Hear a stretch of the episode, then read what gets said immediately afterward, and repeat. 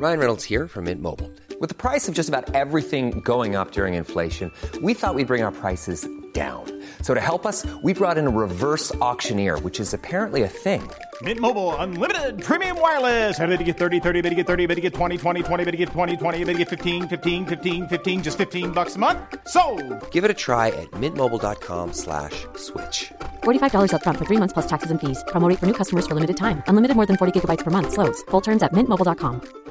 Ready to pop the question? The jewelers at BlueNile.com have got sparkle down to a science with beautiful lab grown diamonds worthy of your most brilliant moments. Their lab grown diamonds are independently graded and guaranteed identical to natural diamonds, and they're ready to ship to your door. Go to BlueNile.com and use promo code LISTEN to get $50 off your purchase of $500 or more. That's code LISTEN at BlueNile.com for $50 off. BlueNile.com code LISTEN.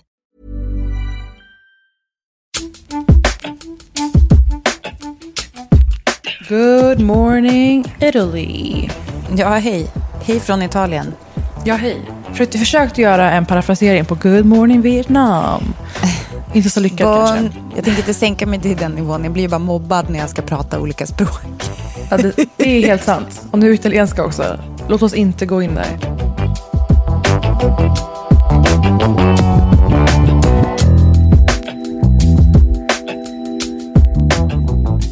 Men hur är läget? Vad pågår?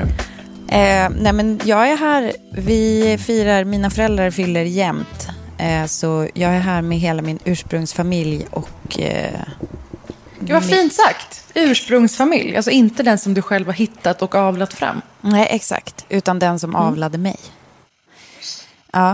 Eh, nej, men det, det, är, det är ganska roligt. Det är ju lite, alltså, det är lite speciellt att vara på semester med eh, sina föräldrar och alltså, syskon. Det, jag vet inte, det, det, är, som, det är intressant. Eh, men vi, vi håller sams, eh, typ. men Alltså det, vår familj skulle ju skulle knappt överleva det. men vad så mycket kan jag avslöja. Ja, men Ja, men det är så mycket starka viljor och nu dessutom när man är vuxen och så inte behöver stå ut med varandra jämt. Eh, utan man liksom ses på middagar och då sen är, det, sen är det bra. Vi ses ju väldigt mycket i och för sig. Men att vara bortrest, man har inga, ingen distraktion, man har ingen möjlighet att fly någonstans. Nej, men jag tycker att vi är faktiskt helt okej bra på det. Men sen så, jag tror att det speciella blir när man tar in någon som ens partner i det här. Som kan tycka liksom att saker, att typ diskussioner blir obehagliga. Fast jag tycker inte det. Fast, Nej, men du tycker aldrig det, Britta. Låt oss inte gå in för mycket på det. Men du, Nej, du har men en det- hög toleransnivå. ja, men det kanske är en grej. Alltså att, att vi har ganska hög tolerans för det i min ursprungsfamilj. Och, och sen så när, när det träffar andra så kan det bli obehagligt. Men, nej, men det Otroligt faktiskt- bra prepp för livet ändå. Ja, Och då, nej, men- då tycker jag att min familj är vrålintensiv och hård jargong. Men bless you. Men eh, det är faktiskt härligt. Det, det, är, eh, alltså, det är väldigt mycket god mat. Det är inte svinbra väder. Det har typ regnat. I natt var det någon sorts åskstorm. Eh, så det vibrerade i rutorna. Men eh, det är bara härligt att vara någon annanstans typ, och äta massa, massa pasta. Ja. Typ så. Hur är det med dig? Det är bra. Jag ska ju åka och äta pasta nästa vecka i Florens. Längtar så fruktansvärt mycket. Min bästa stad på jorden. Ehm, men annars, jag har ju jättemycket jag vill prata med dig om denna vecka. Och jag tänkte bara lassa på dig första grejen på en gång. Ja, är det, kommer dina tre snabba tips nu off mic? Ja, ja. Är de snabba? Nej, eller två men- är snabba. Men nu kommer de. Britta, vi hade ju en Game of Thrones special. Ja. Eh, blev den bra? Eh, ja, alltså, jag vill inte skryta, men ganska omtyckt av svenska folket. Svenska folket också. Ja, ja. Eh, Eh, precis, vill inte skryta och sen drog till med att en hel nation är Ja. avgudade i podden. Ja, jag har Nej, inte men kollat vi med hade- Italien än, men jag kan inte tänka mig annat än att de är on board. Absolut. Nej, men eh, vi är väldigt nöjda själva. Fått jättefin respons från er och fått ut så mycket ur våra kroppar som behövde komma ut.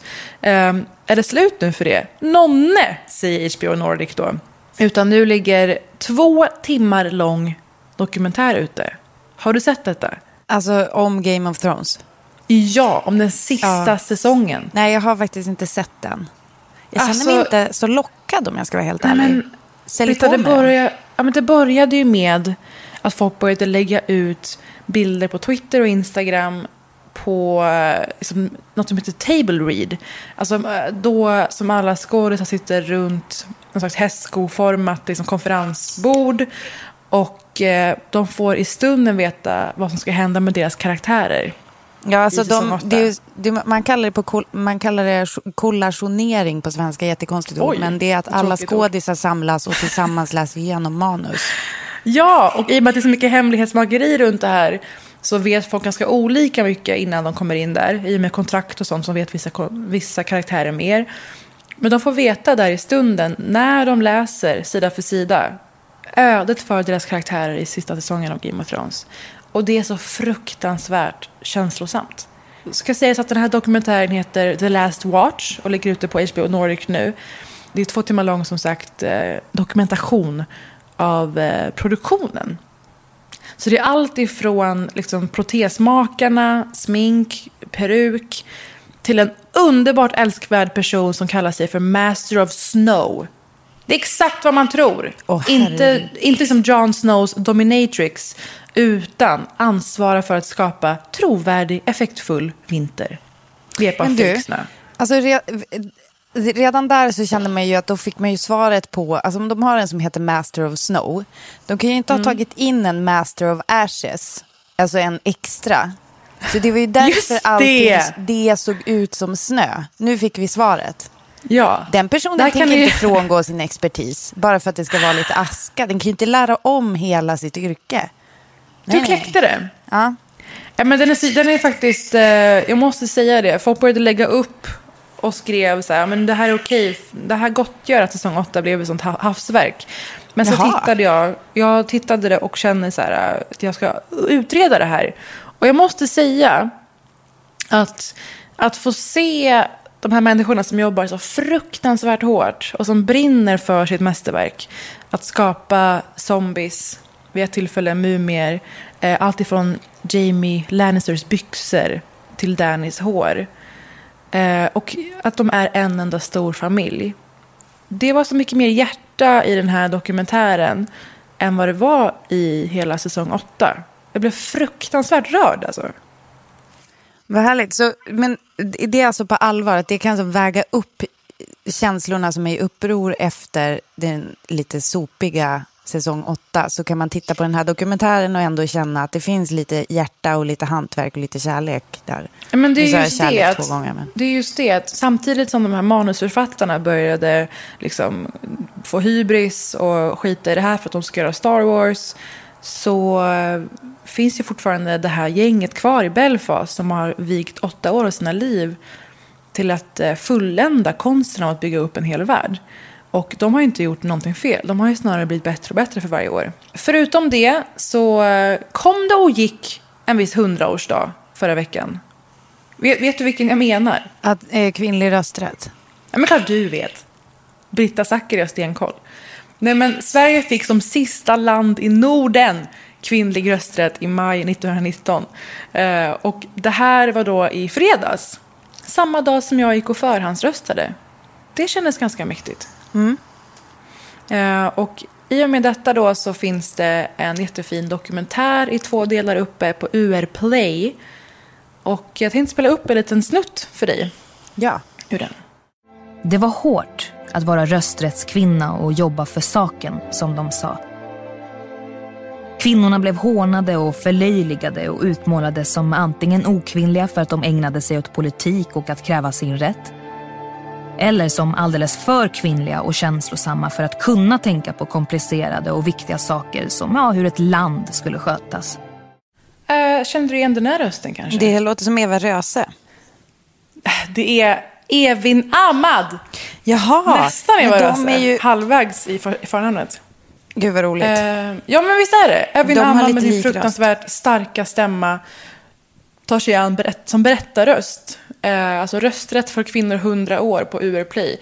Två avsnitt är ynka 15 minuter. Då vi träffar eh, barnbarnsbarnen till eh, kvinnorättsrörelsen. där vid sekelskiftet och att den kamp som de fick eh, genomgå helt enkelt. För er som vill ha koll på de liksom, nyckelfigurerna som Elin Wägner och Anna Whitlock, alltså förebilden till Fröken Friman, tycker man ska panga sig in där. För det, är en, det var en pangig upplevelse helt enkelt. Härligt. Det tredje som jag har gått och njutit av senaste veckan, det är inget mindre än Tyler, the creator. Mhm. Honom har du stenkoll på. Inte stenkoll, men har lyssnat lite på. Man lyssnar lite på. Eh, han, hade ju, han har ju ändrat genre helt till det här nya albumet som heter Igor. Som alltså är ett slags alter ego med eh, blonderat hår och stora svarta solglasögon. Tyler the Creator har varit en, eh, en rappare med väldigt hård för nästan skräckrap har det kallats ibland innan.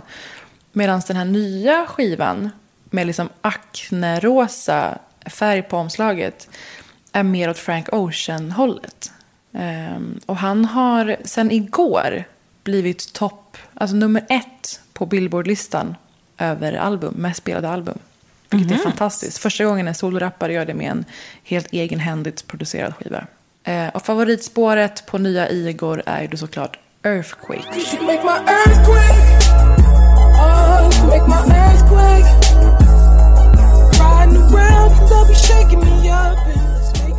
Jag har lyssnat på Lykkeli och Mark Ronson-låten Late Night Feelings, Parisa, som vi pratade om för ett par avsnitt sedan. Det, jag skulle vilja dubba den till en av sommarens starka köra snabbt i bilen-hits. Men alltså, Men- Den är helt otrolig. Ja, den är faktiskt helt otrolig.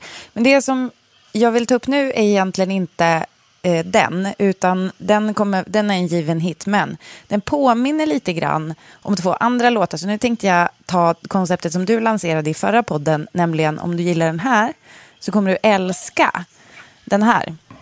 Älskar För- det upplägget.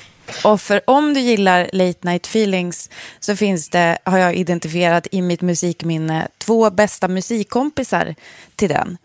Eh, den första är, tycker jag, oförtjänat ohittiga Instant Crush med Julian Casablancas och Daft Punk. Om du kommer ihåg, som släpptes för några år sedan. Ja, men det är ju en enorm låt. Den låter så här.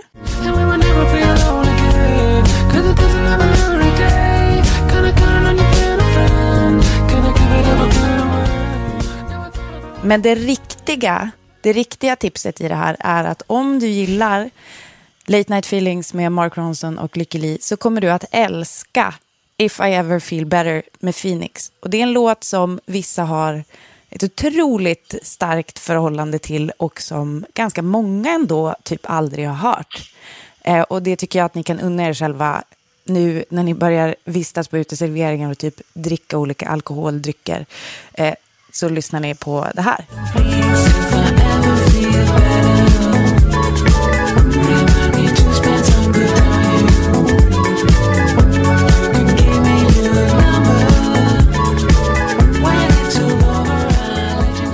Du glömmer säga en sak. Vadå? Betydelsen av det här bandet. Att man kan ha en väldigt stark relation till den och tycka väldigt mycket om den. Och ändå inte ha kommit på den i ett frågesportprogram i tv. Är det så? Ja! Oj, oj, oj, oj. Men var det... Den var sur. Det var inte, Den var hård. Men var, det var Too Young var det väl? Det var inte If Det var någon låt Ja. med Phoenix. Du hör ju hur, eh, hur bra du kan placera den här låten nu. Ja. Med de här underbart släpiga, de här släpiga fransmännen. Vi njuter av dem helt enkelt. Sen så tänkte jag fortsätta med ett tjat. Jag har läst bok och jag vill bara börja med att säga om den här Education som jag tipsade om, som Tara Westover har skrivit. Parisa, jag tvingade. Kalle att läsa den. Ja. Han läser sällan till aldrig kvinnliga författare. Alltså på samma sätt som jag, ärligt talat, sällan till aldrig läser manliga författare. typ. Men Kalle har blivit helt besatt. Och vet du vad som har hänt? Han har hetsat sitt jaktlag. Att alla ska läsa denna bok och sen ska Men de samtala. Vilken otrolig bokklubb det kan bli. Den heter Allt jag fått lära mig på svenska och ni behöver bara läsa den innan ni går vidare med era liv. Men det som jag själv har läst eh, på, ja, jag skulle vilja säga de senaste två dygnen kanske, eh, är att jag har slukat Normal People av Sally Rooney. Oh, alltså Eh. topp tre böcker jag måste läsa i år. Ja, alltså det är... Alltså det, den är så sprängfylld av blurbs på omslaget och på insidan.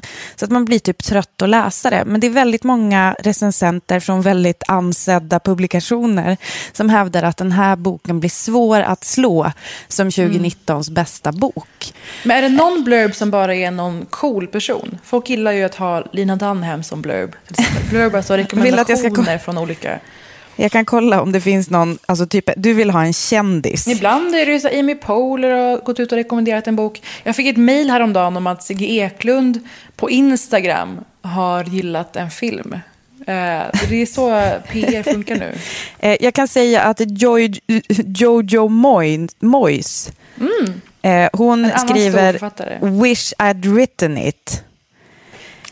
Den är tung. Eftersom du gillar kändisar så får du höra Jojo Moyes hela blurb. I can't say enough good things about it. Seemingly effortless, truthful, moving, intricate and sexy. Wish I'd written it. Skrev hon. Jag älskar när du tar igen dialekter ovanpå utländskt Jag har ingen aning om hur hon pratar. Eh, grejen är så här.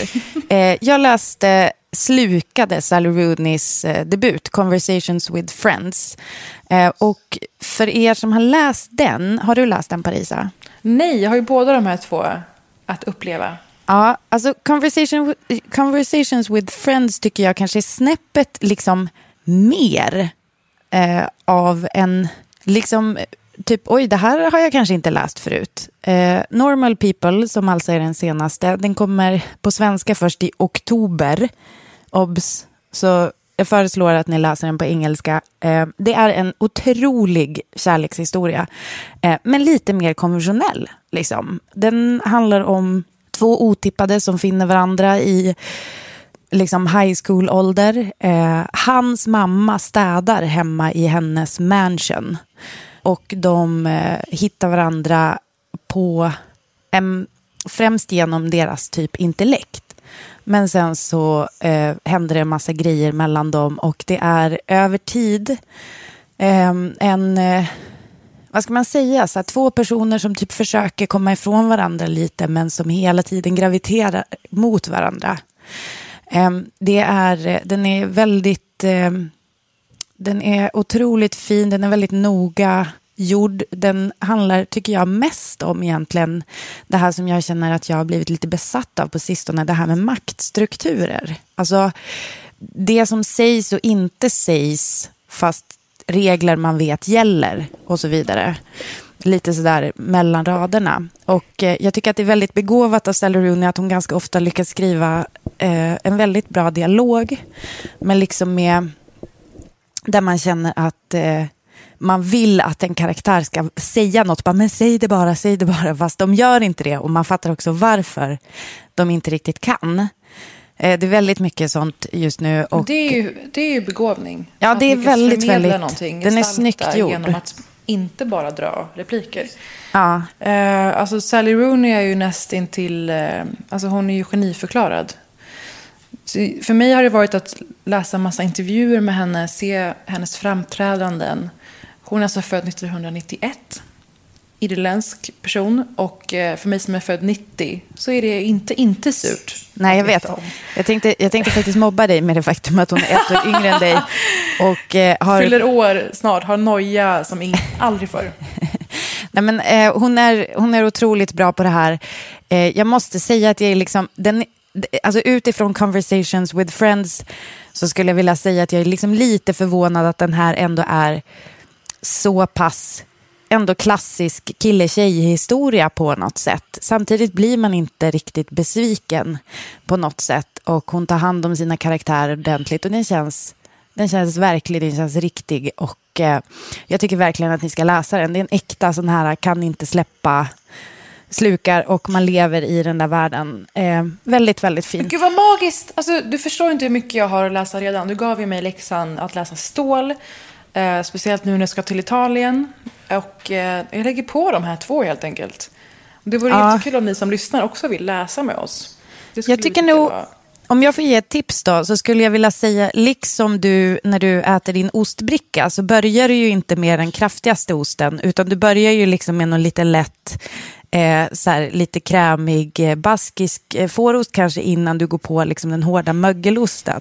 och på samma sätt så tycker jag kanske att du kan börja med normal people och sen gå på conversations with friends, för den är lite, eh, den är lite mustigare, liksom, conversations with friends. Vilket jävla experttips. Det här är som att folk har åsikter om eh, vilken ordning man ska se Star Wars-filmerna i.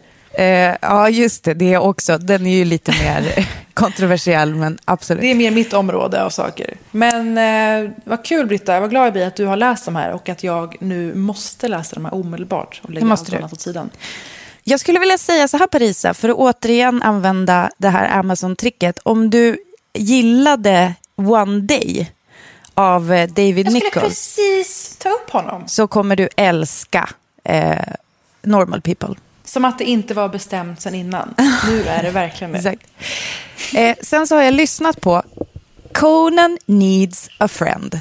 Ja! Nej, men Parisa. Alltså, Min, mitt hjärta på jorden.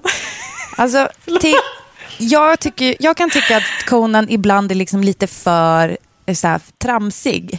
Ehm, men jag älskade verkligen, jag sa ju att jag skulle lyssna på Tig Tara-avsnittet och det kastade jag mig verkligen över.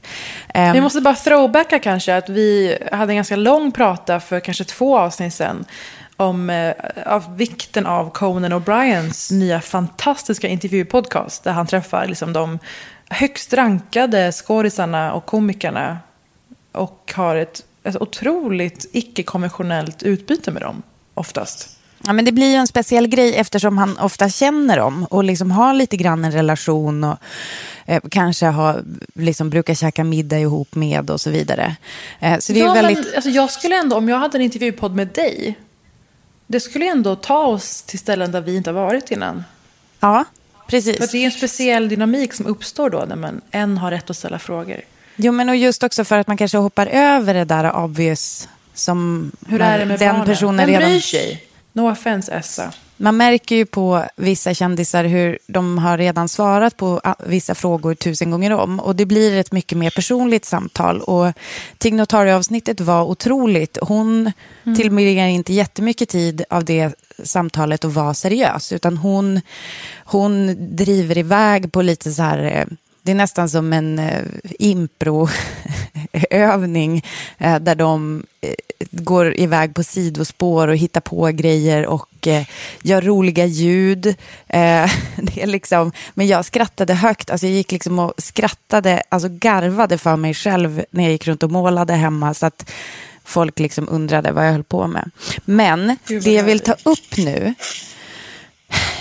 jag är liksom lite besviken på dig Parisa. Hur kunde du inte berätta för mig att Megan Mullally och Nick Offerman varit med och varit gäster i podden? Men det, det var så många att nämna. Men det är ju, alltså det är ju kanske vårt bästa, eller ett av våra favoritpar i offentligheten. Megan Mullally är känd som, faktiskt för en breda massa måste man ju säga, som Karen i Will och Grace. Eh, Hon gör en otrolig karaktär. Jag skulle vilja säga att Will och Grace skiter jag i, men Karen är så otrolig så att jag kan liksom sitta, jag Karen på Walker riktigt. är en, en martinislukande överklasskvinna i New York. Som skiter i allt och alla. En underbar person helt enkelt. Helt gränslös, eh, typ Ja. har, ha, jobbar med Grace fast hon behöver inte jobba för hon, hon har någon jätterik man, hon bara gör det för kul. Ja. Ehm, hon, är, hon är svin, svin rolig och jag kan på riktigt se Will och Grace och bara spola förbi allt där hon inte är med. Bara för att få ett gott garv när hon väl dyker upp. Ehm, men hon är alltså gift med Nick Offerman som spelar Ron Swanson i vår favoritserie Parks and Recreation. Ehm, och eh, ja, här är tre saker man får veta under den intervjun. De har ägnat sig åt kn utomhus med coyotes som publik. Alltså så här, deras, deras tjat om hur mycket de knullar är det minst intressanta med dem. Det är konstant, det måste du hålla med om. Du, vänta. Eh, Jag vet inte om det är så dålig teckning eller någonting, men hörde du precis att jag sa inte bara att de har legat med varandra, utan jag sa att de har ägnat sig åt liggning utomhus och, och haft coyotes som publik. Var inte det... lite så här twist som det var ju fick... spännande här på grund av wildlife-faktorn som plötsligt smällde. Men du måste ju hålla med om att i varenda intervju, varenda liksom Instagram-story ska det liksom skämtas om hur mycket de knullar. Och då blir det ju väldigt ospännande. Men jag tycker, vet du vad, jag tycker att det är härligt för att de är inte ett 25-årigt par utan de är alltså goda, alltså typ pushing 50 om de inte redan är över det strecket. Eh, de, jag, jag tycker liksom, låt dem få ligga hur mycket de vill. Jag tycker att de Jag tänker är inte fantastiska. hålla De har- isär dem. Jag tänker inte vara en, en blockering mellan deras könsorgan. Jag menar på att första gången jag hörde dem prata om eh, ligga och sådär, bara, oj gud, här var det transparent. Men det, är ju, det är ju någonting roligare med, på tal om Conan, jag lyssnade på avsnittet med Howard Stern häromdagen. Han är ju en ganska sunkig radiopratare, tycker jag själv. Han har ju haft så här, eh, segment där det kommer in eh, nakna tjejer sitter på en vibrator, kommer i, i eh, direktsänd radio.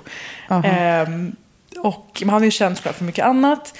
Och han eh, berättade om när han intervjuade Gwyneth Paltrow för många år sedan. Och att hon var ihop med Brad Pitt då.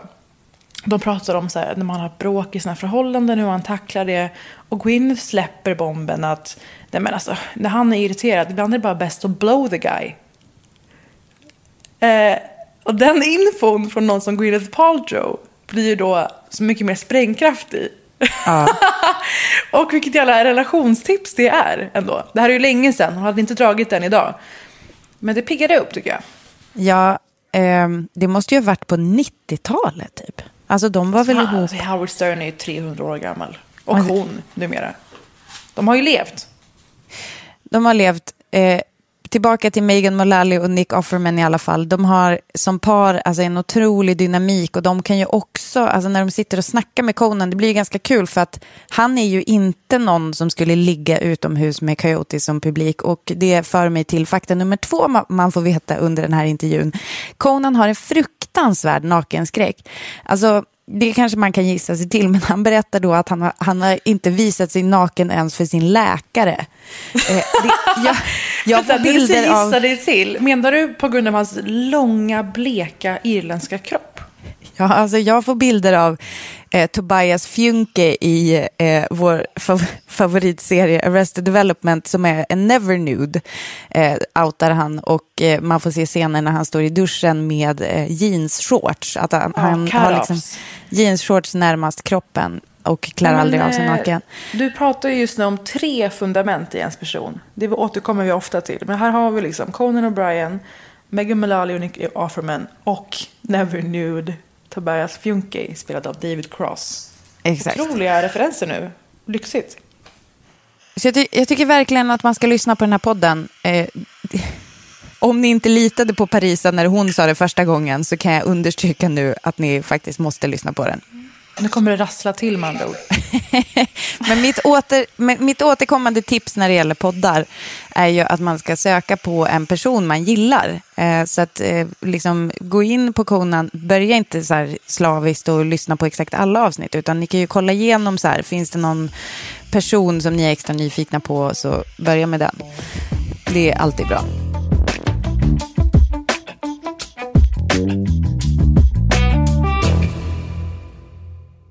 Britta, det har ju hänt en hel del senaste veckan. Och jag har försökt att klumpa ihop allt det här på något sätt. Inte bara för att jag vill få nämna allting och uttala mig om allting. Men också för att det känns som att det hör ihop på något sätt. Okej. Det, går- det går en röd tråd alltså? Ja, men en slags röd tråd, men vi behöver liksom inte, vi kan behandla de här var för sig ändå. Men vi kan börja i att det var EU-val precis. Eh, folk gick och röstade, eller åtminstone 51 procent blev det till slut, har jag för mig, valdeltagandet.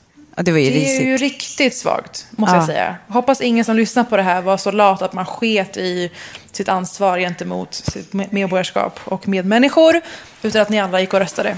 Och, alltså, det var en jävligt intressant kväll med valvaka och annat. Du kanske inte var hemma då? Du kanske missade det här eh, Nej. spektaklet? Nej, ja precis. Jag, var, jag befann mig i Italien. Ja, men det var ju samma pinsamma upplevelse som det har varit nu senaste tiden. Att folk tänker mer på PR och på ett nästan blondinbella-artat sätt försöker styra, styra berättelsen om sin historia. Och eh, alla skulle utmåla sig själva som vinnare. Det känner vi igen sedan valrörelsen sist. Och det är ju det här att så här, bilden av framgång föder framgång. Det har ju Blondinbella till och med sagt i he- hela liksom, grunden till hennes framgång. Ja, Och, alltså, eh, nu är det hus på Lidingö och annat. Jag känner bara en passus, eller liksom, vad säger man, en, ett litet stickspår till det. Men eh, vi, pr- vi pratade ju lite om hur vi blev indragna i Ebba Busch Thors eh, kommentarsfält. Och där var det ju, där använde ju hon, liksom, hon bemötte att folk har då farit med osanning kring vad eh, KD tycker om abort hit och dit. Och, och skrev då som anledning till det att det går bra för KD just nu. Och därför känner folk att de måste smutskasta. Men det går ju inte bra för KD. Nej, det är ju det. Eh, men bara att säga så, folk vill ju vara på det vinnande laget. Ja, precis. Det säger man om Oscarsjuryn, man säger det om Grammisjuryn. Det gäller för alla sorts röstningar eller val. Man vill rösta på det som man tror vinner eller går bra. Ja. Eh, man vill inte vara motgångssupporter. Nej, folk är medgångsfans helt enkelt. Ja. Vänder Och, tröjan ut och eh, in. Du, du sa just ordet där och det är osanning, eller sanning och osanning. Att alla försöker styra vad sanningen är. Och alltså, den här senaste veckan har varit som ett experiment i hur långt det går att ta det. Och att ja, men folk är ju mottagliga för det. Det funkar uppenbarligen.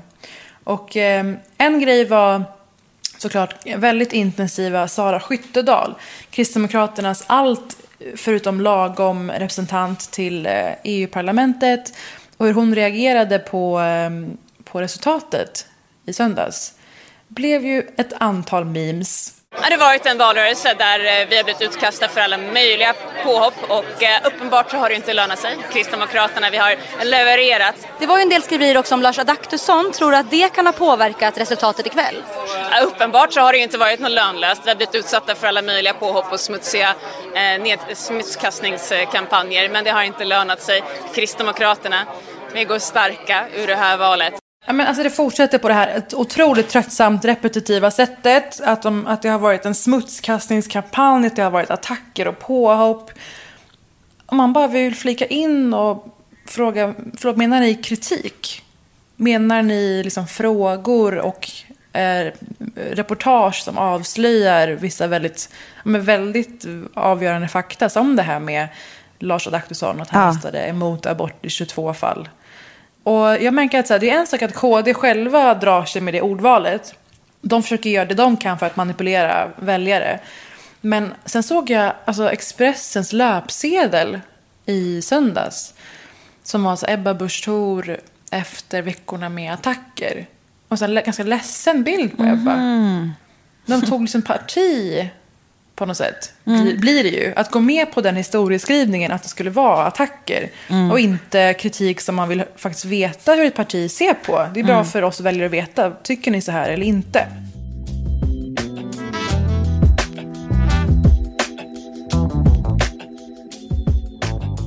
Senare den veckan så började jag kolla på nya HBO-serien Chernobyl. Ja. Har du hört om den? Sett den? Jag har hört om den. Jag har inte sett den. Vad är det Jonas Åkerlund? Nej, det är någon svensk stackabo. Det är Johan. Renck som har regisserat den. Så Ja, det, är, det är ju en stolthet i sig där. Det Och finns- det finns två. Du vet ju det, när det dyker upp en serie där... Det finns ju två grejer här. Det, dels att det är en svensk regissör, Johan Renck dessutom. Ehm, och när det ska utspela sig i Östeuropa. Man har pratat väldigt mycket om dialekter då. Hur, hur liksom märkliga beslut man tar kring skådisars dialekter då. För de ska prata engelska. Det är sällan, sällan originalspråk. Ehm, och det ska gärna vara engelska med en liten, med en liten liksom östeuropeisk klang. Ja. Som sällan är lyckad. Men just eh, Chernobyl utmärker sig för att alla pratar i sin native tongue.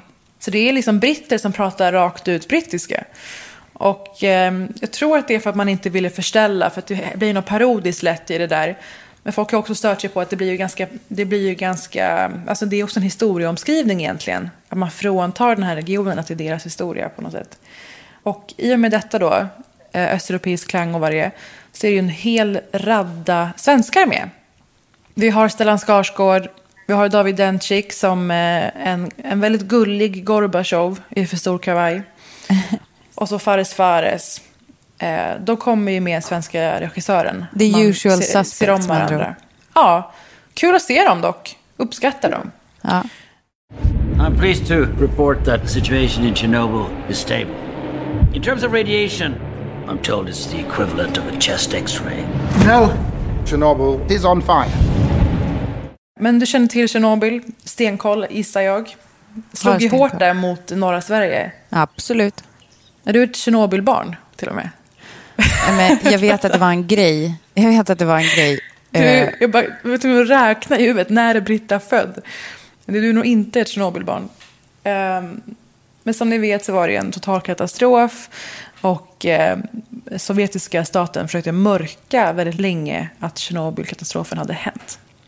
Så den här serien på HBO i fyra fantastiska, alltså otroligt häpnadsväckande avsnitt där de har lyckats visa hur strålning slår mot människokroppen.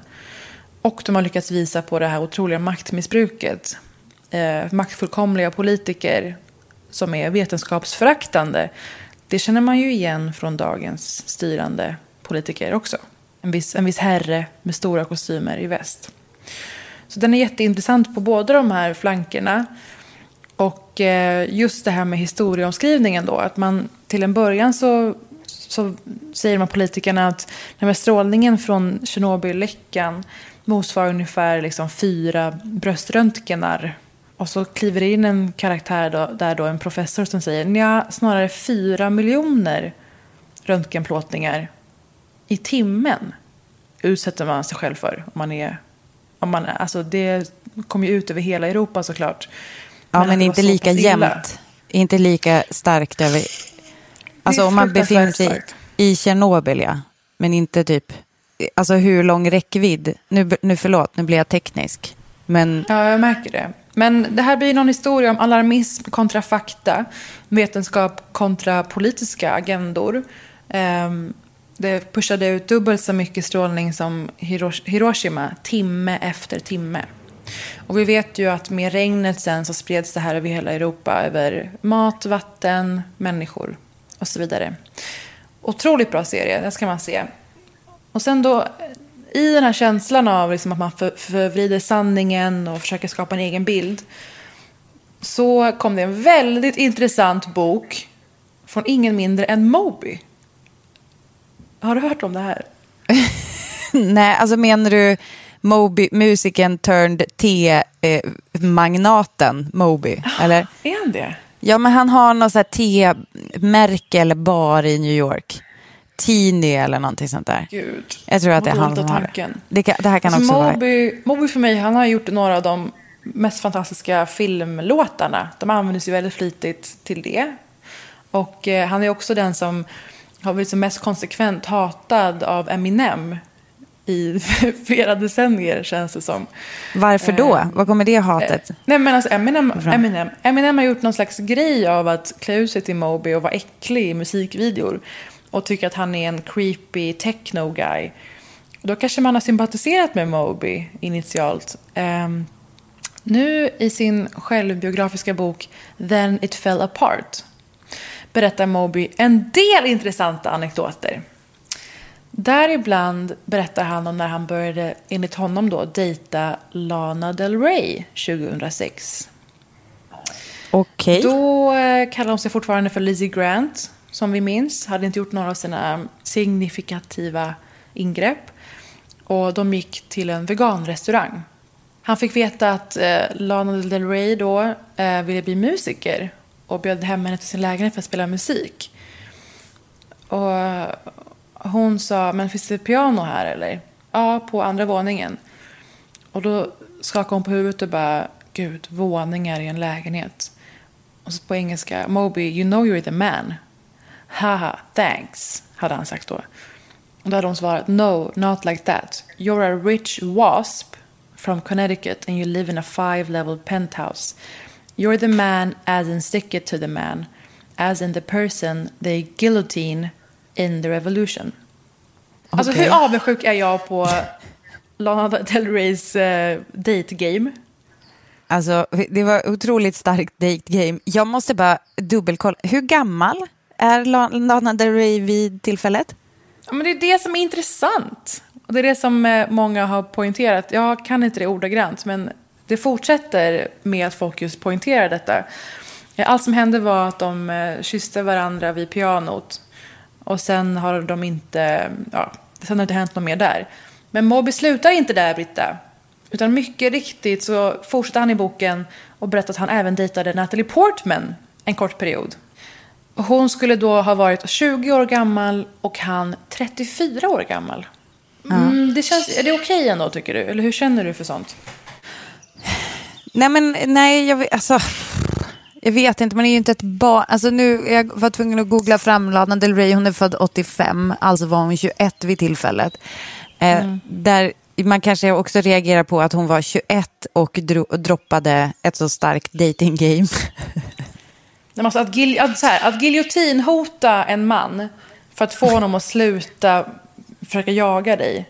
Det är så starkt så jag kommer börja med det själv. Jag som numera är single lady. Ja, och då hade vi Natalie Portman som då var 20, när han var 34 eller Fyra. här. Men det, du, det slutar inte där, för man kan inte bara publicera någonting i en bok och då säga att det är sant. För det som händer sen är att Natalie Portman är med i en intervju i Harper's Bazaar veckan efter. Och hon eh, förtydligar två saker. Hon var bara 18 år gammal och de hade inte en relation. Eh, och hon fortsätter. Det här är giljotinnivå också. Mitt minne är av en mycket äldre man som betedde sig på ett obehagligt sätt mot mig. Ordet på engelska var creepy. När jag precis hade slutat gymnasiet. Britta, säg att du i en framtida memoar går ut med att du eh, dejtade Benjamin Ingrosso. När han var 18 och du var 34. Ja, det är precis den jag skulle gå på, vill jag bara flika in här. Det, du har precis rätt här, jag skulle gå på honom Nej, men, om jag jagade lammkött. Britta, jag är ju närmare honom i ålder och jag tänker fan, jag tänker köra så fort jag kan. så, fort, så fort tillfälle uppstår så är jag där. Och detta på grund av hans höftrörelser på eh, Melodifestivalfinalen. Otrolig man. Herregud, Låt mig klippa. Nej, men säg att det hade varit så. Och du går ut och berättar i en bok att så, nej, men vi hade en grej. Det är, det är ingen grej, men vi hade en grej.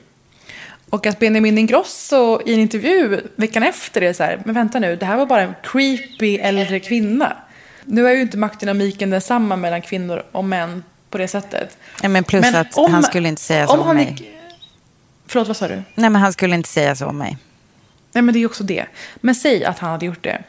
Eh, och om någon går ut och bara dementerar, hade inte du lagt ner då? Eh, nej, jag hade försökt att få honom att erkänna att han gillade det här, den här gravida. Var jag gravid i fantasin också? Eller? Nej, men den här eh, svullna. Barbamamma-kroppen. jag, hade jävlar. fortsatt, jag hade fortsatt veva på i media om hur tokig Benjamin Ingrosso var i, Oj. i att min mage just nu, att mina bröst ligger som på en hylla skapade av min mage.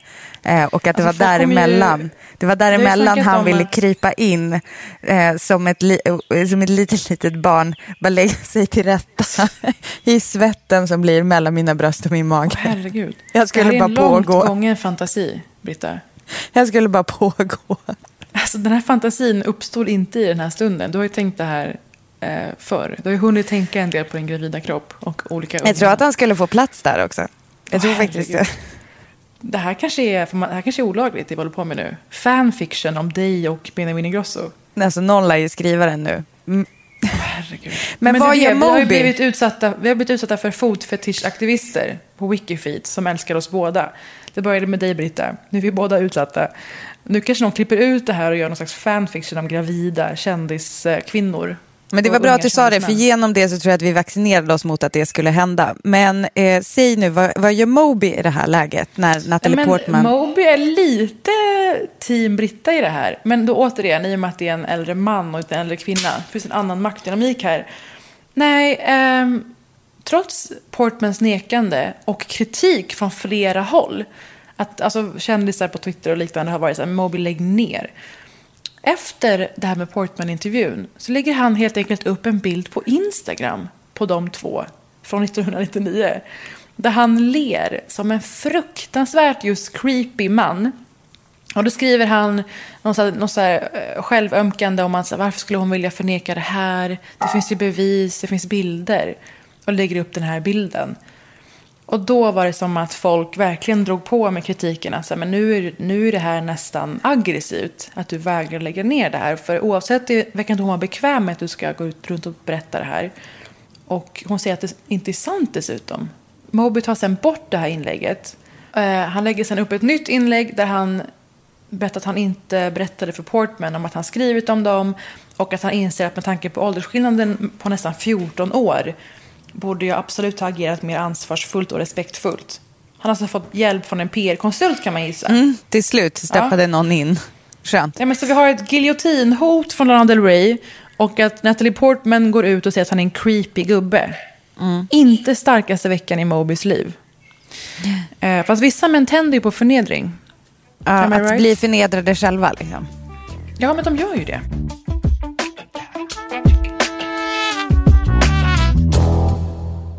Och sen i den här då känslan av att försöka förvrida sanningen och göra den till sin egen så dök Fredrik Virtanens eh, söndagsintervju upp.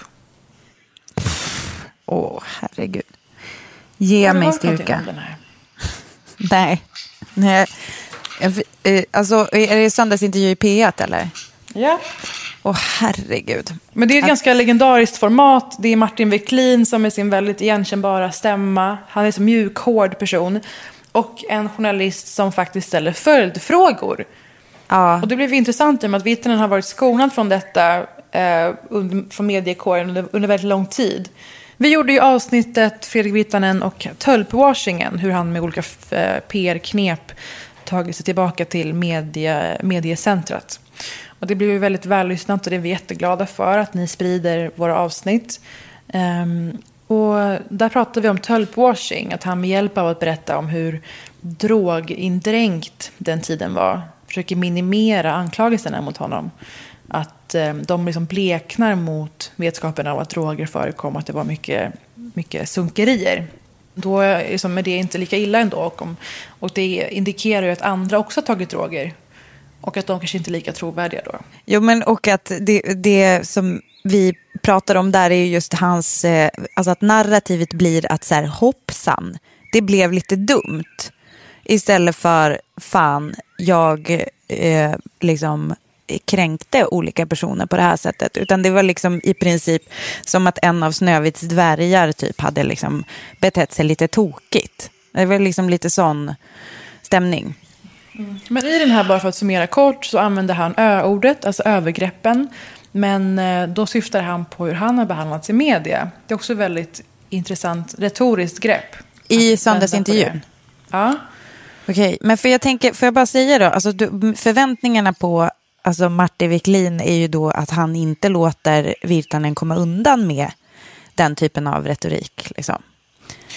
Det är det. Och sen eh, säger att han har, han har mosat som en lus. Att han känner sig fri nu, för han har inget att leva upp till längre. Inget att förlora. Ehm, och eh, vid ett tillfälle så berättar han, pratar han väldigt specifikt om anklagelserna mot honom från Cissi Wallin. Och eh, just minnena från den kvällen och betydelsen av minnen och en, en egen uppfattning. Så det där är jättesvårt att Mm. eh, minnas, så att säga. Men jag tänker att det är intressant, för när man läser i boken så har du ju många andra kvällar under den här tiden, minns du ju i detalj liksom, exakt vad, vad ni har druckit, exakt hur många gram kokain du hade i kroppen. Och, eh, att du kla- klappar en anguskossa och blir sugen på biff. vad, men du minns inga detaljer alls från den här natten? Ja, men, eh, jag hoppas jag framgår i boken. Här, jag, har ju, jag för ju väldigt mycket anteckningar i min gamla eh, Sony Ericsson-telefon. Eh, det är mycket kommer ju därifrån, eh, mina anteckningar som fanns där, men det fanns inga anteckningar eh, om den här natten. Men hon säger då att eh, på något vis slocknade hon och sen eh, försökte jag eh, stoppa penisen i munnen.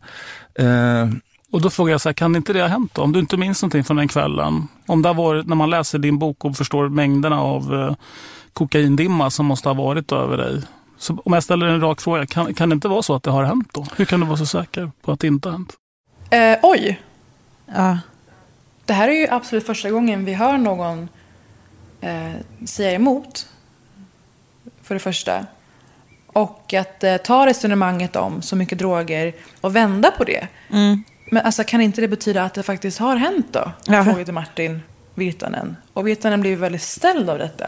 Intervjun fortsätter på ett eh, sätt där han liksom låter väldigt avklädd och eh, darrandes inför det här nya läget han befinner sig i. Med Martin Han får ju sura som- uppstötningar medan han pratar också. En liten detalj, men jag tycker den är viktig. Man hör hur han så här, bup, så här, pyser ut lite sura uppstötningar här och där. Ja, men alltså det här tycker jag var jätteintressant. Just hur Martin Wiklin agerar eh, som journalist. För en gångs skull skulle jag säga kring intervjuer med Virtanen.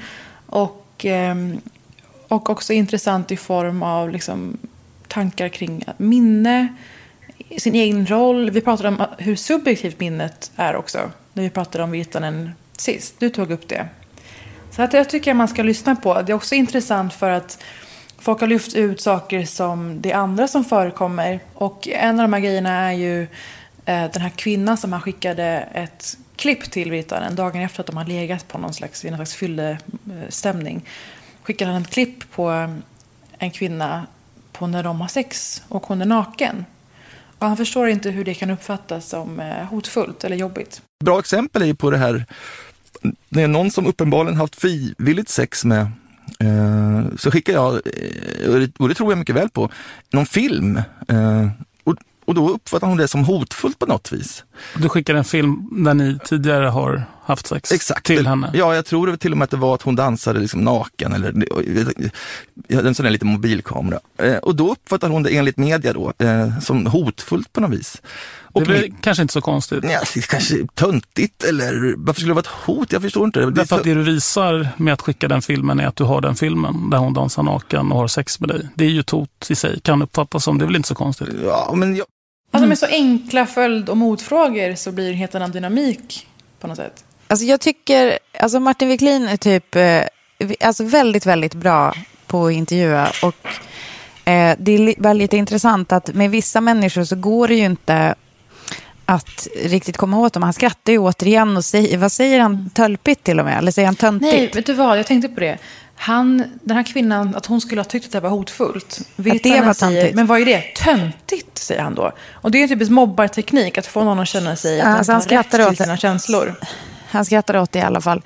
Det kan ju vara lite svårt med den typen av människor som, alltså för nu känns det ju som att den röda tråden här är ju lite så här fake news-territoriet i alla de här sakerna som du tar upp, där fakta liksom inte är fakta eller det är så här fritt ur minnet. Och eh, det som är krånglet är ju bara att det är så svårt att komma åt sådana. Det, vi har ju det bästa exemplet som är Donald Trump.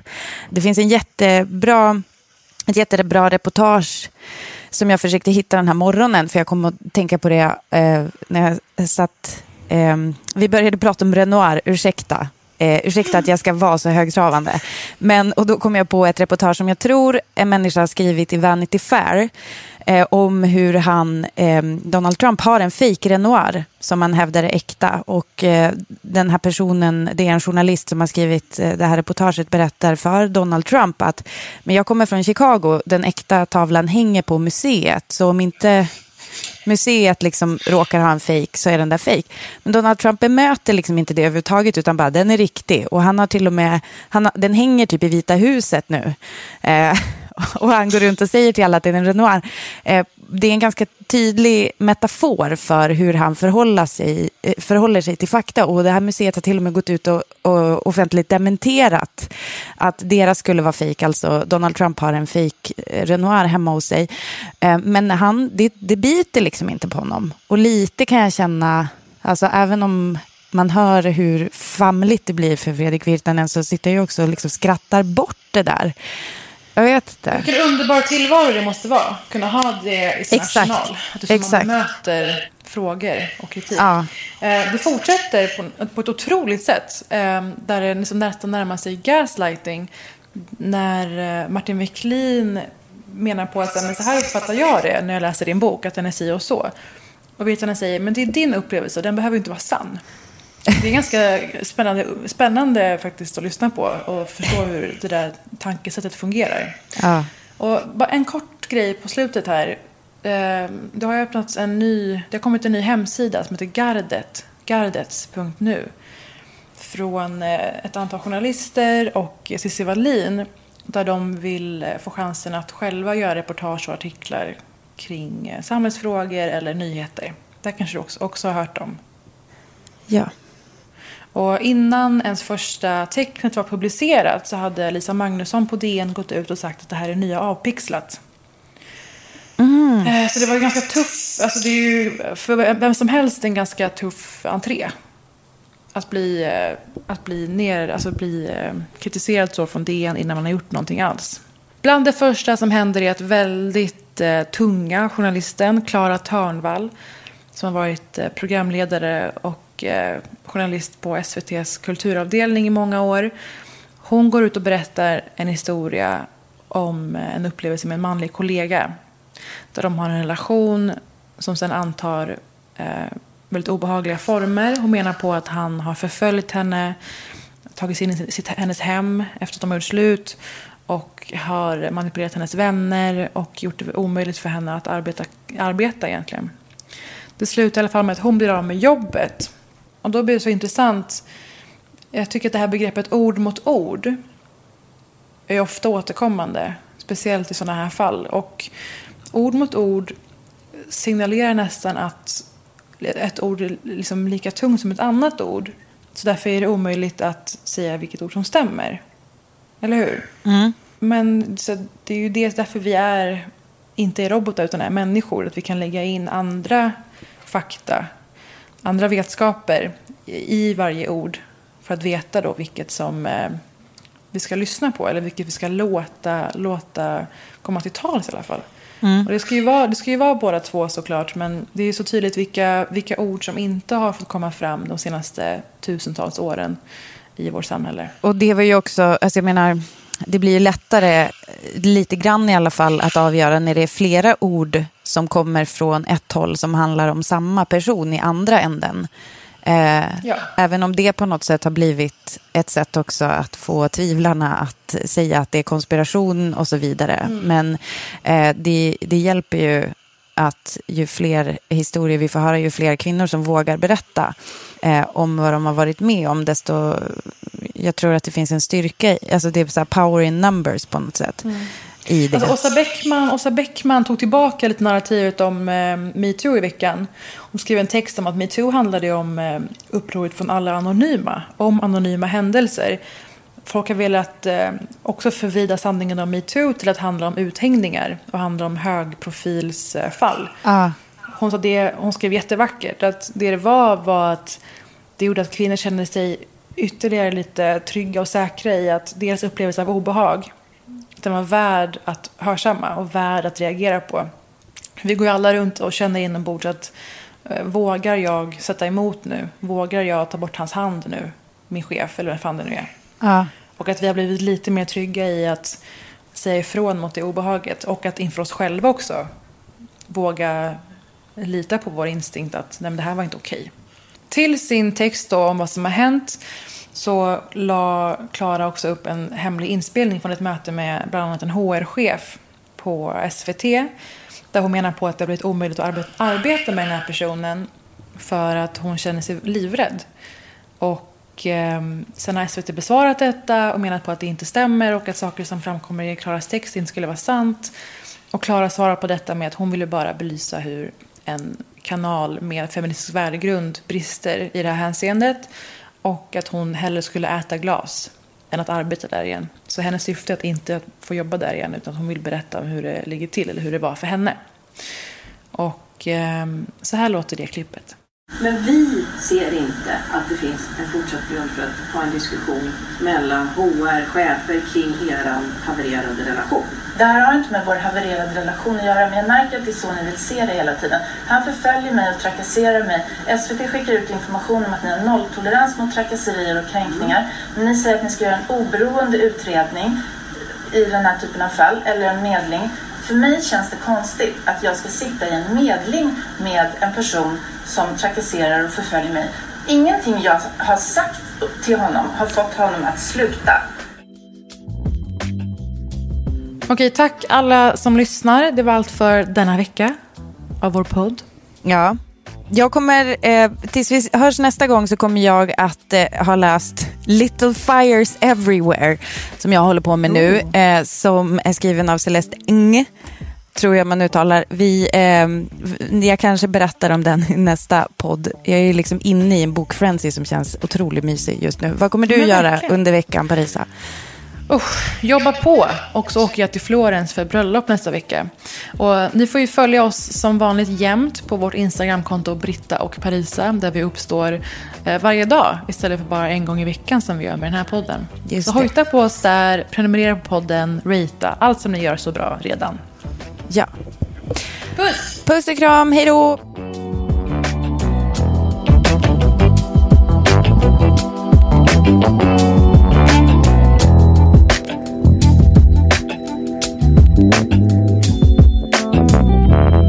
En podd från L.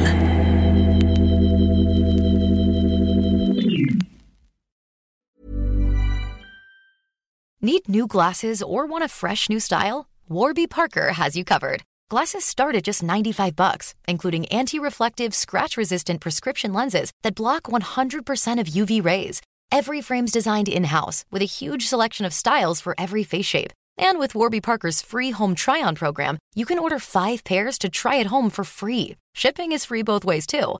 Go to warbyparker.com slash covered to try 5 pairs of frames at home for free. warbyparker.com slash covered. Hey, it's Paige DeSorbo from Giggly Squad. High quality fashion without the price tag. Say hello to Quince. I'm snagging high-end essentials like cozy cashmere sweaters, sleek leather jackets, fine jewelry, and so much more. With Quince being 50 to 80% less than similar brands. And they partner with factories that prioritize safe, ethical, and responsible manufacturing. I love that.